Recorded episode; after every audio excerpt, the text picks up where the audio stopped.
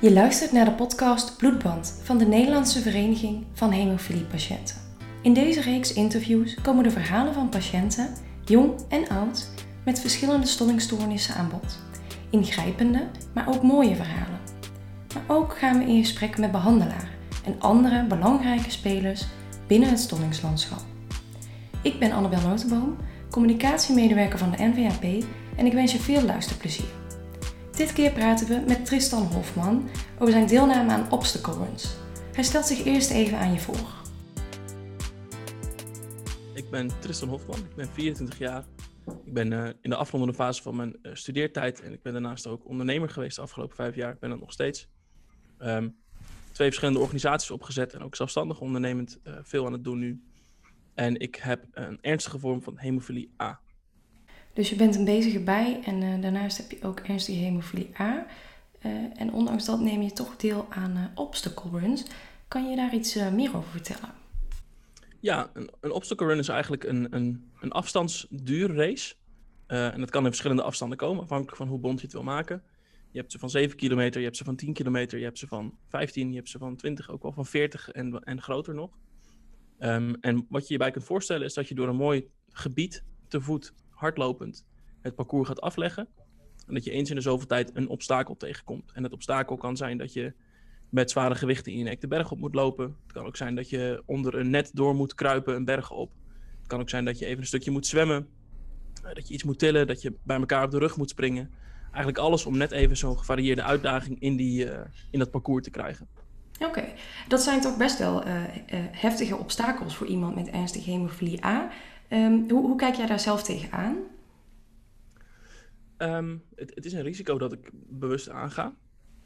Met de weet dat het heel erg in mijn macht ligt om daar um, voorzorgsmaatregelen in te nemen. Door mezelf dus echt goed te trainen, goed te voeden, mijn lichaam daar klaar voor te maken.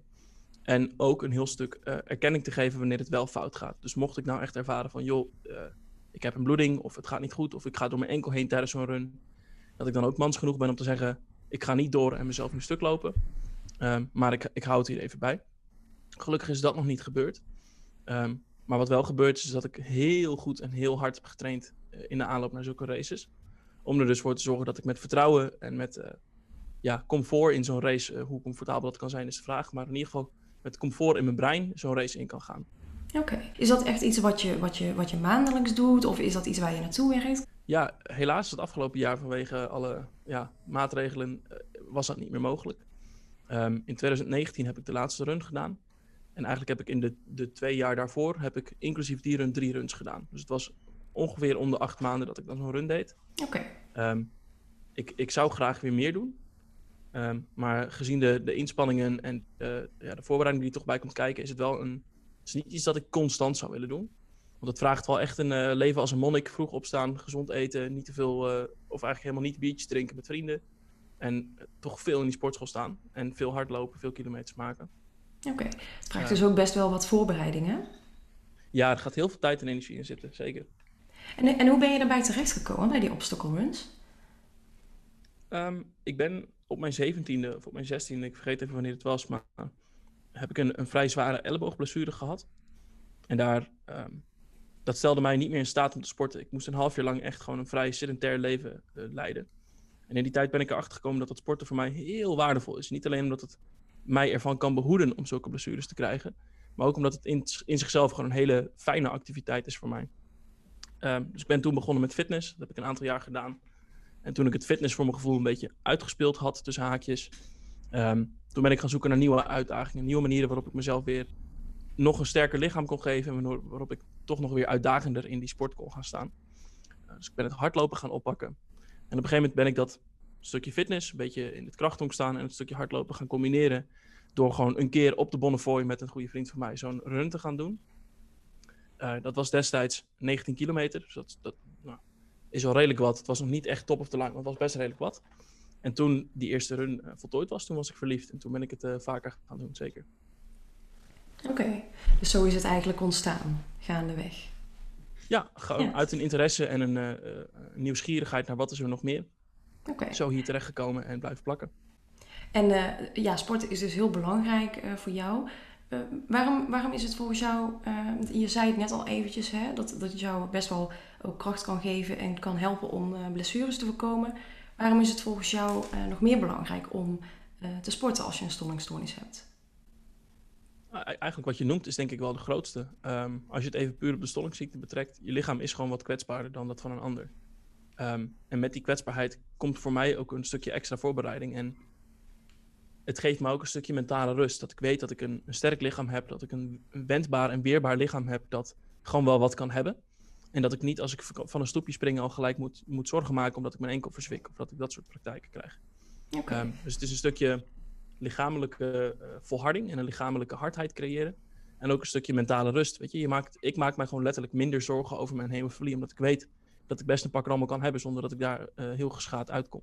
Ja, precies. Omdat je daar uh, de tijd en energie in hebt gestoken en je lichaam daar als het ware op hebt voorbereid. Ja, exact. Okay. En hoe was het eigenlijk voor jou om, om op te groeien met een stollingstoornis? Ik heb het geluk gehad dat ik ouders had die ehm, me best wel mijn gang hebben laten gaan. Weet je, sommige sporten waren gewoon niet verstandig. Dus dingen als vechtsporten of paintballen, daar, dat sloeg ik wel over. Maar ik heb bijvoorbeeld wel altijd gewoon kunnen voetballen. En ik heb kunnen tafeltennissen en allerlei sporten gedaan. Um, dus in mijn opvoeding, ik denk echt in mijn jongere jaren, maar onder de 12, heb ik er niet heel veel last van gehad, om even zo te zeggen. Was altijd wel een ding, maar heel veel verder dan consistent prikken en een beetje bijprikken met een bloeding en wat rustiger aandoen, ging het gelukkig niet. Um, ik denk dat dat een heel groot deel toe te wijten is aan de relaxte uh, houding die mijn ouders daarin hadden. Dus die waren helemaal niet paniekerig als er iets was. Dan was het gewoon van oké, we gaan nu even kijken hoe we het kunnen oplossen. We nemen de benodigde maatregelen en dan gaan we weer verder. In mijn puberteit werd het wel wat lastiger. Want dan gaat je lichaam groeien, dan begin je in één keer uit de voegen te barsten. En dan kan je ook gewoon minder overweg met je lichaam. Dat is in ieder geval wat met mij wel gebeurde. Dus toen heb ik wel echt een aantal vervelende blessures gehad. Uh, meermaals mijn enkel geblesseerd. Dus die lange elleboogblessure. Uh, vingerknokkels uh, geblesseerd. Nou ja, noem het maar op. Er kwam best wel wat voorbij. En toen heb ik echt wel ja, met de bokkenbruik opgezeten. Dat ik dacht van, dit is echt niet leuk. Ik vind het echt niet vet dat het zo gaat. Uh, helemaal omdat het ook lang duurde. Uh, ja, het is natuurlijk niet alleen de blessure dan, maar het is ook gewoon heel frustrerend. Het herstel vond ik vooral het vervelendste. Ik kon op zich met de pijn van, het, van de bloeding zelf kon ik wel omgaan. Maar gewoon het feit dat mij iets ontzien werd, of iets ontnomen werd door die bloeding. Dat ik dan weer een maand niet kon voetballen bijvoorbeeld, of dat ik uit de running was. Dat vond ik heel vervelend. En ik heb me daarin ook wel uh, alleen gevoeld tussen andere mensen die dat dan niet hadden. Die niet zich druk hoefden te maken als ze misschien een keer tijdens gimmen van, van een, uh, ja, een, een, kast afvielen of zo. En die dan gewoon de volgende week weer verder konden. Um, ja, en zeker als dat... dat... natuurlijk in de puberteit is, dan, dan is dat nog, uh, ja, dan ben je nog kwetsbaarder natuurlijk. Ja, in, in zo'n periode spiegel je je natuurlijk heel erg ja, ja. Aan, je, aan je sociale leefwereld. En gelukkig groei je daar op een gegeven moment ook wel uit. Maar die periode was vooral lastig. Oké. Okay. Um, dus ja, mijn, mijn opvoeding, mijn jeugd was heel, heel fijn eigenlijk. Heel, ik denk, voor zover het met hemofilie fijn kan zijn, heb ik dat echt wel zo ervaren. Puberteit was echt een stuk minder, omdat ik dus veel blessures kreeg. En nu gelukkig, omdat ik dus nou ja, zo hard gehamerd heb aan mijn lichaam en zo hard gehamerd heb aan mijn gezondheid, kan ik er heel goed mee leven. En uh, is het eigenlijk niet meer een hele grote zorg voor me. Oké, is dat dan ook een beetje de manier waarop je ermee om hebt leren gaan, door echt goed voor je lichaam te zorgen? Ja, ik denk dat dat sowieso een beetje mijn aanpak is in het leven. Van, ik probeer waar mogelijk een beetje het heft in eigen handen te nemen. Dus door ja. te zeggen van oké, ik kan iets niet, maar wat kan ik nog doen om het misschien anders te doen of op een andere manier? Of toch alsnog uh, een manier te vinden waarop het wel kan. Um, en toch te doen wat binnen je macht ligt om ervoor te zorgen dat je toch een fijn en, normaal tussen haakjes leven hebt. Um, en dat heb ik heel erg ja, zo, zo gedaan. Dat heeft me ook echt wel die rust gegeven. Oké. En um, ik, ik vind het ook altijd wel interessant om te zien, als, ik, als ik oudere mensen spreek met hemofilie, ernstige hemofilie, die hebben natuurlijk ja, veel gewrichtschade, veel meegemaakt. Tegenover de ja, wat jongere patiënten, zoals jij en ik, die ja, eigenlijk relatief, een relatief normaal dagelijks leven kunnen hebben. Hè? hoe sta jij daar tegenover? Hoe kijk jij daar tegenaan, tegen die ontwikkelingen in, in behandelingen? ik ben ontzettend dankbaar. Ik ben heel blij dat ik in een tijd ben opgegroeid waarin ik niet het maar uit moest zitten als er een bloeding was. En waarin ik niet op, wist dat ik op mijn veertigste al mijn gewrichten kapot zou hebben. Dat is wel de realiteit van inderdaad de oudere patiënten die je bijvoorbeeld in de Van Kreveld kliniek of op gewoon elke willekeurige uh, hemofiliebehandelcentrum ziet. Als er een oud baasje binnenkomt, dan zijn ze vaak niet heel soepeltjes meer in de botten. Ehm, en dat is best wel, best wel treurig, vind ik. Ik vind het ontzettend jammer voor die mensen dat ze dat zo moeten ervaren. En tegelijkertijd, de keerzijde daarvan is wel dat ik het dus op een hele andere manier heb mogen ervaren. En hoewel het ook echt niet makkelijk was op tijden, denk ik wel dat, dat de, de ontwikkelingen heel rap zijn gegaan. En dat ik heel blij ben dat ik in deze generatie ben opgegroeid. En ook alleen nog maar blijer ben voor de generatie die na mij komen. Want ik weet bijvoorbeeld ook dat gentherapie echt grote stappen maakt. En dat er ook steeds meer langwerkende stollingsfactoren zijn. Weet je, ik ben ja, zelf overgestapt van factor 8 stolling naar uh, uh. En dat is een soort van kloon van factor 8 die veel langer in je bloed blijft. Nou, dat zijn al ontwikkelen die zelfs in mijn levenstijd nog al een, een wezenlijk verschil maken in mijn kwaliteit van leven. Ja. Dus ik ben, ik ben eigenlijk alleen maar blij dat het zo is gegaan. Ja, het, gaat natuurlijk ontzettend snel inderdaad. Wat je ook noemt, de gentherapie uh, um, en alle ontwikkelingen daaromheen. Uh, dat gaat echt in een razend tempo. Uh, maar er zijn natuurlijk ook nog wel uitdagingen voor, voor onze generatie. zijn er nou nog bepaalde dingen waarvan je denkt van nou, dit, dit kan in, in, het, in het stollingslandschap beter of hier moet meer aandacht voor zijn? zijn er bepaalde aspecten die jou, ja, die, jij die jou daarin opvallen? ik heb het geluk dat ik dat zelf niet heel vaak meer tegenkom. Omdat ik dus niet vaak gebaseerd ben. Maar er was bij mij toch wel vaak een stukje onbegrip van mensen van... Ik ben daadwerkelijk wat kwetsbaarder dan andere mensen. Dus als ik door mijn enkel ga, dan moeten we wel even de, de zeilen bijzetten om daar wat aan te doen. Want anders loop ik het risico dat ik gewoon een permanente gewrichtsbeschadiging overhoud die jij niet krijgt. Um, nou weet ik niet of dat zozeer te wijten is aan het stollingslandschap of dat het überhaupt aan iemand te wijten is. Maar ik denk dat een stukje awareness voor heel veel patiënten een hoop kan helpen. Zodat je je niet voelt alsof je je telkens weer moet uitleggen en moet rechtvaardigen waarom jij anders bent dan de rest. Merk je dat in het dagelijks leven? Dat veel mensen niet weten wat hemofilie of, is? Of um, ben je dat veel tegengekomen? Nou, zoals ik zei, gelukkig niet zoveel meer. Omdat ik er niet heel veel meer de negatieve ervaringen met hemofilie heb. Zoals als bloedingen bijvoorbeeld. Um, maar met de ervaringen die ik had, ja, ik moest mezelf altijd toch wel een beetje gaan uitleggen. Van ja, hoe zit het dan? En waarom zit je nu, na drie weken doe je nog steeds niet mee met de gymles? En weet je, hoe, waarom, waarom gaat dat allemaal zo? En waarom kun je niet gewoon meetrainen? Um, of van, joh, kop op, stap even door. Weet je, je loopt het wel uit. En dat ik echt moet zeggen van, dat loop ik er niet uit. Ik loop er een permanente blessure in als ik zo doorga. Um, dus dat heb ik destijds wel, wel meegemaakt, ja. Oké. Nu gelukkig niet zoveel meer. Oké, daar is ook wel wat verandering in te zien uh, dan. Zeker, zeker. Ja, absoluut. En um, waarom vind jij het belangrijk uh, om jouw uh, verhaal te delen? Want je hebt het eerder ook al in Factor gedeeld uh, met ons en nu via de podcast. Heb jij daar ook een, specifieke reden voor dat je het belangrijk vindt om je verhaal te delen? Ja, ik denk dat er een hele hoop hemofiliepatiënten zijn die mogelijk dit luisteren. En al is er maar één, die, die zich daar toch een beetje aan kunnen opbeuren. dat je hoort van, oh joh, het kan wel.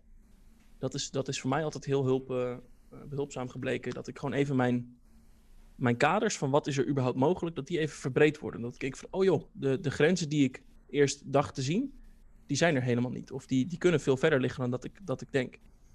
Um, dus enerzijds hoop ik een hoop hemofiliepatiënten te inspireren om wel met beweging aan de slag te gaan op een verstandige manier. En dat stukje op een verstandige manier, dat hoop ik ook vaak mee te geven. Ik heb het geluk gehad dat ik twee jaar fysiotherapie heb gestudeerd en dus veel over mijn lichaam te weten ben gekomen.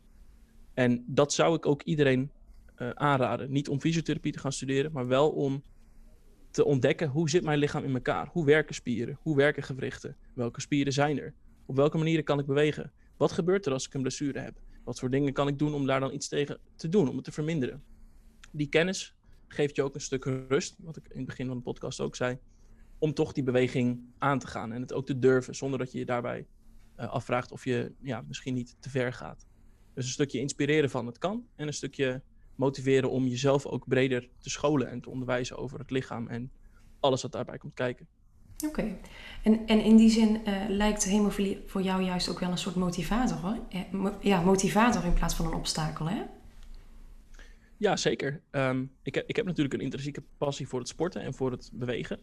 Maar uh, ik heb heel veel, heel veel kracht en heel veel energie en heel veel motivatie gehaald uit het feit dat ik eigenlijk de kaarten niet in mijn voordeel heb als ik zo'n run aanga.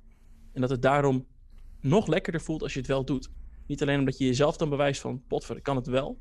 maar omdat je dan ook eigenlijk hemofilie aan zich iets bewijst. Van joh, al heb je hemofilie, je kunt gewoon zo'n zo'n zo'n run doen. En dat kan gewoon, als je, mits je de goede voorzorgsmaatregelen neemt. En tijdens zo'n run, als het heel zwaar wordt, weet je, als je bij kilometer 30 bent en je bent al 5,5 uur aan het rennen, dan moet je het ergens vandaan halen. Nou, dat, dat potje hemofilie, daar heb ik heel vaak toch even wat net even die kick uit kunnen halen. Een extra stukje motivatie eigenlijk, extra kracht. Ja, exact. Ja, oké. En uh, uh, hoe zie jij uh, nu de toekomst voor je? Want nou ja, je hebt al wel laten weten dat je je niet laat weerhouden door hemofilie. Dat is voor jou echt geen, geen obstakel. Um, hoe zie jij de toekomst verder voor je? Ik hoop nog heel lang heel gezond te kunnen bewegen. Het liefst ben ik 80 en loop ik nog steeds rondjes, al is het misschien wat trager dan nu, rondjes door de buurt hardlopend. Um, dus dat is mijn lange termijn visie. Ik hoop gewoon heel lang een gezond lichaam te houden. Wat kortere termijn hoop ik, nu dat de wereld ook wat meer open gaat, dat ik ook weer ergens in de komende jaar of anderhalf weer een, mooie run kan gaan doen. Um, om daarin mezelf ook weer uit te dagen om toch uit die comfortzone te stappen. Um, want hoewel je het al gedaan hebt, kom je toch heel snel terug in het persoon van... Oh, het is wel lekker zo, het is wel prima, en ik heb het al een keer gedaan, dus het is wel goed. Maar toch die, die kick die je krijgt en die motivatie die je krijgt uit het toch maar weer een keer doen, uh, dat, dat levert mij heel veel op. Dus dat, dat staat zeker nog op de planning. En ik heb ook binnen de sportschool zelf ook nog wel doelen. Weet je, ik vind het heel leuk om uh, zware gewichten te tillen, of het nou squat of een deadlift is. Het lijkt me heel leuk om daar ook nog uh, veel zwaarder in te gaan. Om te laten zien dat een lichaam ook met hemofilie heel sterk kan zijn. Oké. Okay, nou dat zijn mooie, mooie doelen op de korte en op de lange termijn. En ik hoop ook uh, voor jou dat het snel mogelijk is om die uh, runs weer te gaan uh, lopen.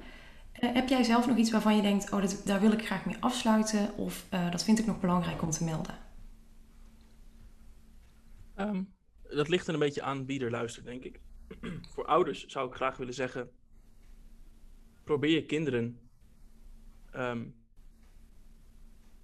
bij te staan zonder gelijk ze paniekerig of paranoïde te maken over wat ze hebben als ik dus kijk naar mijn eigen opvoeding, mijn ouders die hebben gewoon altijd gedaan wat nodig was. Maar die deden dat op een hele rustige en kalme manier. En die hebben me in, in zekere zin ook al vrijgelaten om toch dingen te proberen. Met in het achterhoofd dat het best een keer fout kan gaan.